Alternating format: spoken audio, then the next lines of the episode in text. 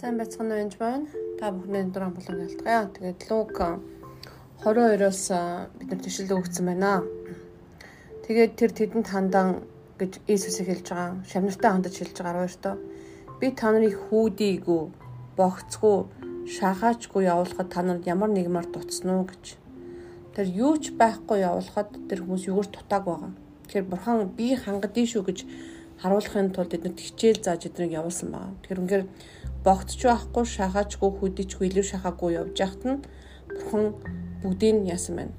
Бурхны ажлыг хаанчлаг хайгаа явж яхад нь а идэвхжлөл Бурхны хаанчлыг тавил сайн мэдээ тараа гэд явуулцдаг шүү дээ шавнараа. Тэгэхэд яг бүгдээрээ хангагдаад юу ч дутаагүй юу гэж асууж байгаа. Дутсан уу гэж асууж байгаа. Тэгэд тэд үгүй юугаар дутаагүй гэв. Тэр эзнийг хаанчлаг хайж явахад юугаар дутдаггүй байгаа.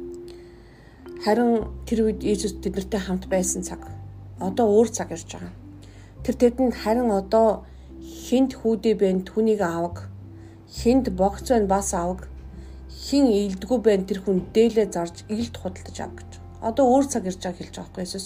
Би та нартай хамт байхад тэгээ явж болж байсан. Одоо бол харин та нар хүүдийг аваараа богцоороо бэлтгэлтэй байгаараа гэж хэлж байгаа юу ч биш бүр дээлээ зарж ийэлд худалдаж авах гэж байгаа сте. Тэгэхээр та нарыг хавчнаа янз бүрийн хамгаалттай хүртэл яваарай гэж хэлж байгаа байхгүй юу? Бодсгүй нөхцөл байдал аюул бэлтгэлтэй яваарай гэж хэлж байгаа. Учир нь би танарт хэлье тэр нүгэлтүүдийн хам тоологдсон гэж бичигдсэн надад бэлэгдэхийн тулд энэ бүгд хэрэгтэй гэв. Тэгэхээр Есүсийг юм бэ? Хичнээн гим зэмгүй нүгэлгүй байсан боловч энийг гим Иесусыг гим нүгэлтэй гэж хэлдэг байхгүй.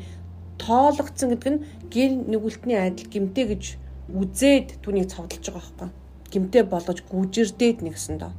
Тэгэхээр тоологдсон гэдэг юм бол тэр хүн гимтэй гэсэн үг ш. Харин гимтэй гэж үзэгдэн гэсэн үг байхгүй дэлхий дээр.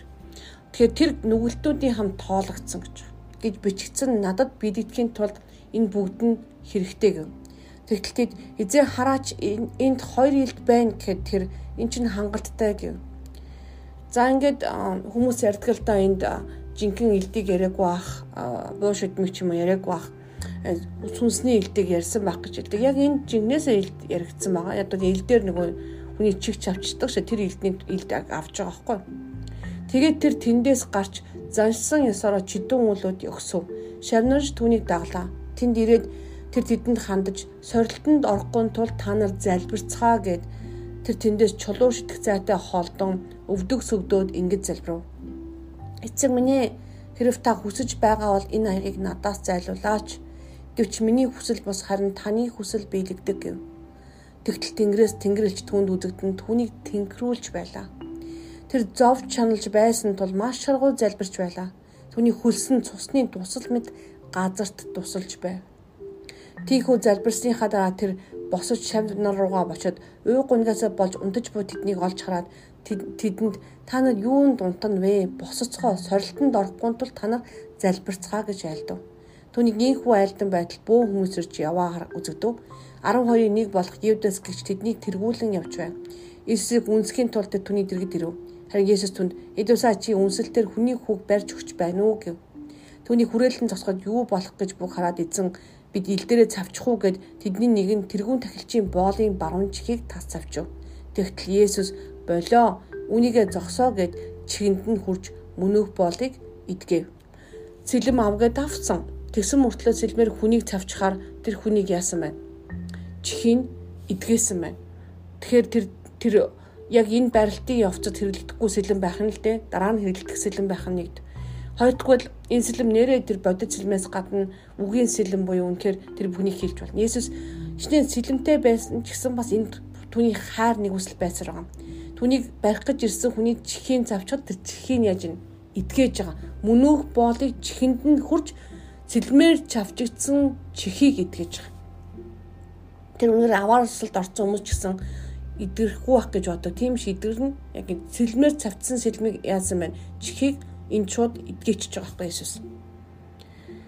Тэгэхээр энэ их маш хэцүү цаг ирж байгаа юм л да. Тэгээд бид нэр сорилтонд орохгүй тул залбирах хэрэгтэй. Тэгээ заримдаа бид нар залхуурч унтдаг байх нь яг хэрэгцээтэй үед яг хэрэгцээтэй үед бид нар босох цагтаа босох, явах цагтаа явж хэрэгцээтэй үед үнэхээр богцчгүй юучгүй явж болдог, шахаачгүй явдаг бол үнэхээр зарим цагт богцтой юмтай явах хэрэгтэй гэсэн. Мэргэн ухаанаар альва зүйлд хандах хэрэгтэй гэсэн. Иесус биднийг богцгүй явах гэсэн ингээд богцгүй явандаа гэсэн үг шүү байхгүй. Мэргэн ухаанаар одоо богцтой явах уу? Богцгүй явдаг цаг уу? Бид нар цэлэм хэрэгтэй юу? Цэлэм хэрэггүй юу? Гих зүйлийг бүгдийг Иесус мэдэж байгаа. Иесусаас та нар асууж сурах хэрэгтэй. Тэгэхээр альва зүйл дүрм журманд мэрэгэн ухаанаар хандахгүй болвол маш аюултай. Үргэл авч болно болохгүй ч гэсэн. Хуучин гэрээд авдаг байсан одоо авч болохгүй. Эсвэл одоо тэгжил авах хэрэгтэй ч гэдэг юм уу. Хүмүүс янз янзаар заадаг л та. Бүгд мэрэгэн ухаанаар Иесустэй хамт өдөл сурахтай. Тэр ихний дүрм номер 1 бол та Иесустэй байна уу? Та ариун сүнсийг бүрэн сонсож байна уу гэдэг бол маш чухал шүү. Тэгээд сорилтонд орохгүй тулд залбирцгаагаараа баярлалаа.